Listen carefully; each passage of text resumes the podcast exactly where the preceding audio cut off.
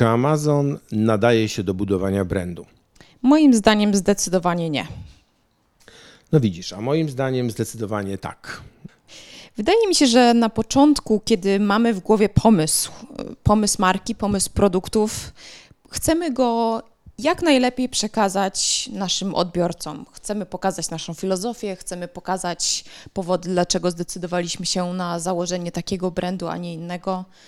A na Amazonie jest łatwość pokazania atrybutów produktu, ale nie filozofii marki.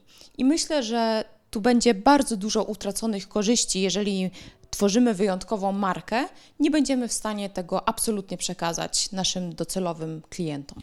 Ja się tutaj z Tobą zgodzę, dlatego że mm, myśmy kiedyś wymyślili trochę takie porównanie, że ludzie, którzy kupują na Amazonie, kupują jak w windzie. To jest 6 sekund e, od decyzji do zakupu. E, w 6 sekund nie da się przekazać filozofii marki, czyli to oznacza, że ludzie wchodząc na Amazona mają powiedzmy jakąś potrzebę i na co patrzą? No, patrzą na dwie rzeczy: ilość gwiazdek i cenę. Jeżeli te dwie rzeczy ich przekonują, to kupują. O ile cenę możemy ustawić sobie na dowolnym poziomie, o tyle zdobycie gwiazdek to jest w ogóle temat na osobny podcast. Jedna z najtrudniejszych, najbardziej pracochłonnych i uwaga, niebezpiecznych dla sprzedawców rzeczy, jaka wydarza się podczas budowania swojej marki na Amazonie. Dlatego nie zalecamy budowania marki na platformie Amazon. Należy to zrobić poza tą platformą, gdzie mamy pełną kontrolę nad wszystkim, co się dzieje, czyli mówiąc krótko, nad naszym włas na, naszym własnym, na naszej własnej platformie e-commerce.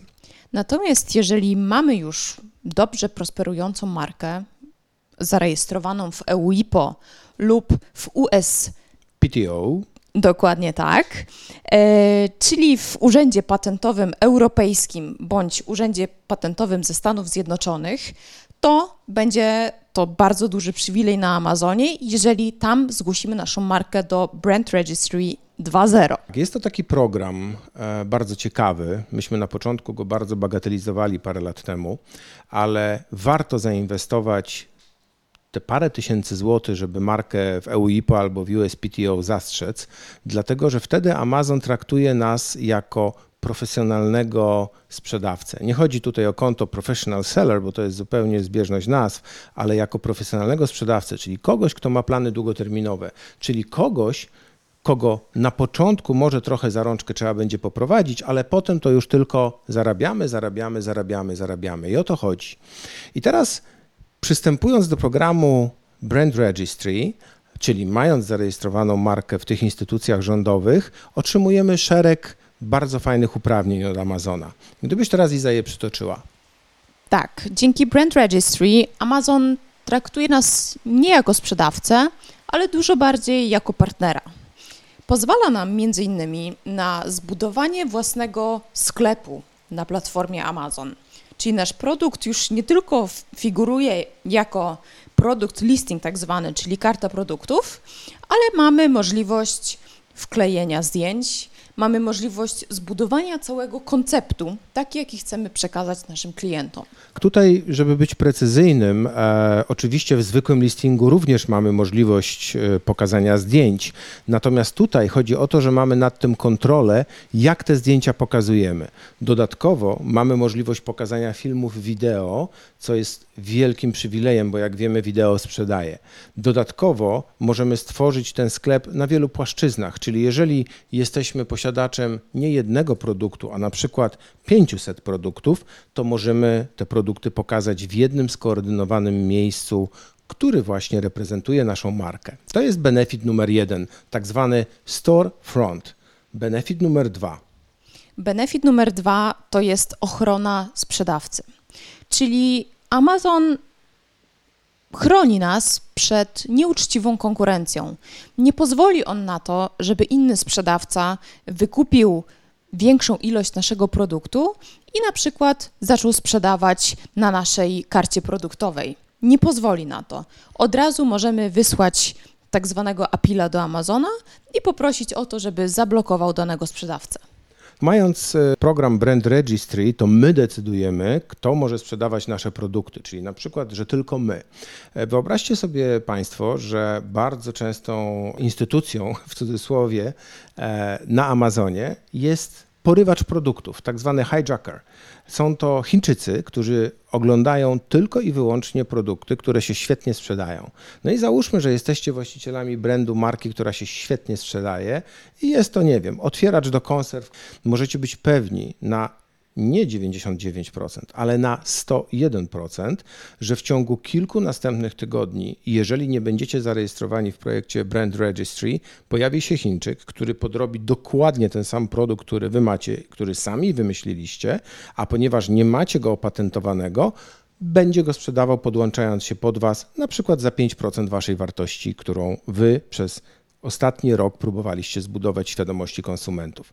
Tak zwany hijacker jest nie do usunięcia, jeżeli nie mamy brand registry, albo jest możliwe do usunięcia, ale w sposób bardzo długi, bardzo mozolny i nie ma żadnej gwarancji, że za chwilę drugi z innego rejonu Chin hijacker nie porwie waszej karty produktu i nie zacznie zarabiać na waszym pomyśle.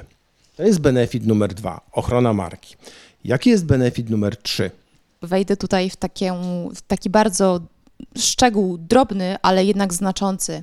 W momencie, kiedy 10, sprzed 10 sprzedawców sprzedaje dany produkt, może zrobić się dość spore zamieszanie, ponieważ każdy będzie chciał mieć wkład w ten listing, pokazać produkt ze swojej strony. Jeżeli jesteśmy sprzedawcą w kanale Brand Registry, mamy wyłączność edycji takiego listingu i my znowu możemy decydować, czy ktoś inny ma prawo do edycji, czy nie. Tak jest, rzeczywiście. To jest bardzo ważny element dla tak zwanego LQS. To jest cała masa takich dziwnych sformułowań, skrótów i niemalże alfabetów Morsa, ale do tego wszystkiego przywykniecie, jak już rozpoczniecie sprzedaż światową. LQS to jest Listing Quality Score, tak zwany parametr, który mówi o tym, jak dobrzy jesteście w pokazywaniu swojego produktu. Jest to parametr od 1 do 10. jeżeli zobaczycie bardzo wiele listingów z Chin albo bardzo wiele produktów Amazon, które sprzedaje sam Amazon, to to LQS, ten Listing Quality Score, jest na poziomie bardzo niskim 2-3 punkty. Dlaczego? Bo oni nie mają czasu bądź nie umieją zrobić tego w taki sposób, żeby europejski konsument e, dostrzegł wartość tego produktu. Liczy się tutaj jakość tłumaczenia, piękno zdjęć, e, sposób pokazania benefitów, które rozwiązują problemy konsumentów. Oczywiście też kwestia e, ceny, ale też kwestia bycia bardzo konkretnym i rzeczowym i używania odpowiednich keywordów. To jest benefit numer 3.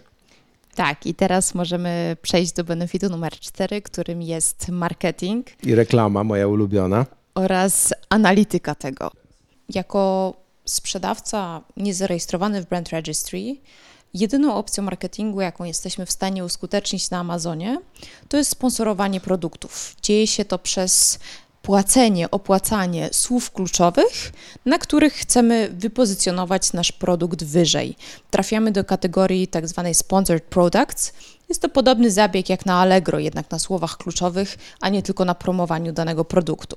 Jeżeli natomiast zdecydujemy się na Brand Registry, mamy taką możliwość, Amazon daje nam dużo większy wgląd do analityki oraz dużo lepsze możliwości pokazania naszego produktu, na przykład poprzez filmy wideo, poprzez w Stanach Zjednoczonych ostatnio wprowadzoną możliwość postowania na temat naszej marki Gdzieś tam na koniec chodzi o to, żeby przebić się przez zalew e, wszystkich e, przekazów, reklam, które na Amazonie są. Amazon walczy w tej chwili, żeby być drugą platformą na świecie, jeżeli chodzi o wydatki reklamowe. Więc proszę zobaczyć, że to nie jest e, jakaś tam przy okazji rzecz, która się dzieje sprzedając na Amazonie na zasadzie, że gdzieś tam się zareklamujemy.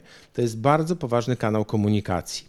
I teraz Amazon oczywiście ma świadomość tego, że jedną z cenniejszych rzeczy, jaką posiada, jest baza wiedzy, baza danych, baza ruchu, który jest generowany. I jeżeli na przykład dzisiaj macie własny sklep i generujecie ruch do tego sklepu w postaci reklam Facebooka, nie wchodząc w szczegóły, bo dzisiaj nie będziemy rozmawiać o konwersjach, o pikselach i o innych rzeczach, jeżeli generujecie ruch z Facebooka do własnego sklepu, to możecie ten ruch bardzo dokładnie śledzić i zapisywać pewne istotne dla Was informacje w elektronicznym, tak zwanym właśnie notatniku, czyli w tym pikselu, e, po to, żeby później tych danych używać do poprawiania jakości tego ruchu ludzi, którzy trafiają do waszego sklepu. W momencie, kiedy dzisiaj kierujecie ruch do sklepu Amazona z Facebooka, to w momencie jak na Facebooku ktoś kliknie na waszą reklamę, to wtedy robi się tak zwana czarna dziura. Wpada, ale nie wiadomo już co robi na Amazonie, bo te dane stają się Amazona, a Amazon dla podstawowych sprzedawców z tymi danymi się nie dzieli. Mając zarejestrowany brand w Brand Registry, dostajemy osobną 284 albo 755 tabelkę, w której widzimy skąd ruch pochodzi, możemy nadawać odpowiednie indywidualne linki, można tych linków zrobić 100 e, i używać ich do naszej komunikacji zewnętrznej po to, żeby monitorować e, ten wartościowy ruch. Ja bardzo powiem Ci na Amazonie ubolewam nad tym, że nie mamy opcji retargetingu klientów, czyli jeżeli klient wejdzie raz do nas do sklepu, zobaczy jakie mamy produkty, nie mamy szans do niego wrócić, a jak wiemy do klientów powinno się wracać między 6 a 8 razy, bo ile razy to nam się zdarza, że akurat jedziemy windą, o, podoba nam się produkt, ale to nie jest dobry moment, żeby go kupić, bo za chwilę wchodzimy do domu, witamy się z rodziną i zapominamy o tym, że przed chwilą widzieliśmy produkt, który bardzo nam się podobał.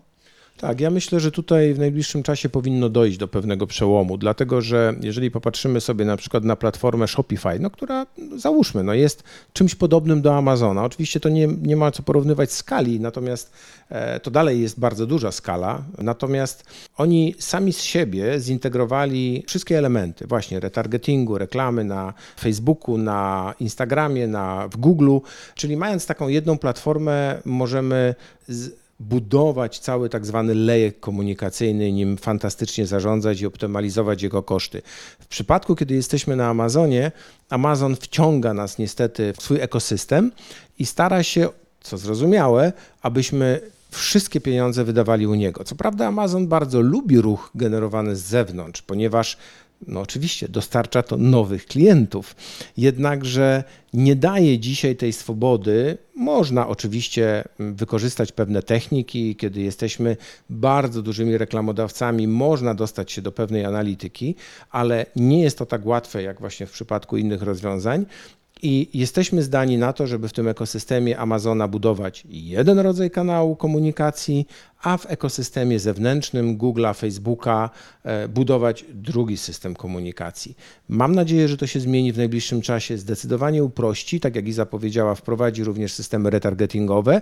Wtedy na przykład moim marzeniem byłoby posiadanie właśnie takiego jednego piksela Facebooka, w którym cały ruch z różnych kanałów by się odkładał, można by go analizować w jednym prostym miejscu i decydować, który ruch jest najbardziej wartościowy, optymalizując przekierowania klientów, a tym samym E, parametry sprzedażowe. Chciałabym jeszcze do wszystkich sprzedawców Amazona powiedzieć, że jeżeli macie ustawione kampanie i wydajecie na nie spore kwoty pieniędzy i widzicie, że te pieniążki są tylko przeklikiwane, to nie jest powód do frustracji. Tego mechanizmu naprawdę da się nauczyć. Żonglowaniem na kampaniach automatycznych i manualnych jesteśmy w dużej mierze w stanie zoptymalizować te kliki, które na początku będziemy po prostu przeklikiwać. Tak, ostatnio właśnie też eksperymentujemy z technologią sztucznej inteligencji, tak naprawdę z algorytmem, który wpinamy e, w konto, pokazujemy mu, jakimi produktami ma się zająć i ten system automatyzuje w pewien sposób e, analizę słów kluczowych i wydatki reklamowe i to przynosi bardzo fajne rozwiązania. To jest w ogóle temat na osobny temat, ale no, coś, co spędzało bardzo, zajmowało bardzo wiele czasu, daje się dzisiaj również zgodnie z tym, o czym mówiliśmy we wcześniejszych podcastach, e, zautomatyzować. Podsumowując ten odcinek, mm, na początku z Izą powiedzieliśmy, Tak nadaje się, nie, nie nadaje się Amazon do budowania brandu. Generalnie należy przyjąć według nas e, następujące stwierdzenie. Jeżeli masz brand, który już zaistniał w świadomości klientów w danym kraju, oczywiście Amazon fantastycznie go będzie wspierał. Jeżeli wchodzisz do danego kraju z jakimś brandem, powinieneś jak najszybciej na Amazonie się zainstalować z tym produktem, żeby budować jego historię, ale tą historię brandu, a nie historię sprzedażową, o której przed chwilą powiedziałem, powinieneś budować, czy powinnaś budować poza Amazonem, bo tam masz pełną kontrolę nad tym, co, jak i do kogo i kiedy przekazujesz. Ja bym to Radku podsumowała w jednym zdaniu, że Amazon jest narzędziem do skalowania. Zdecydowanie się zgadzam. Tak.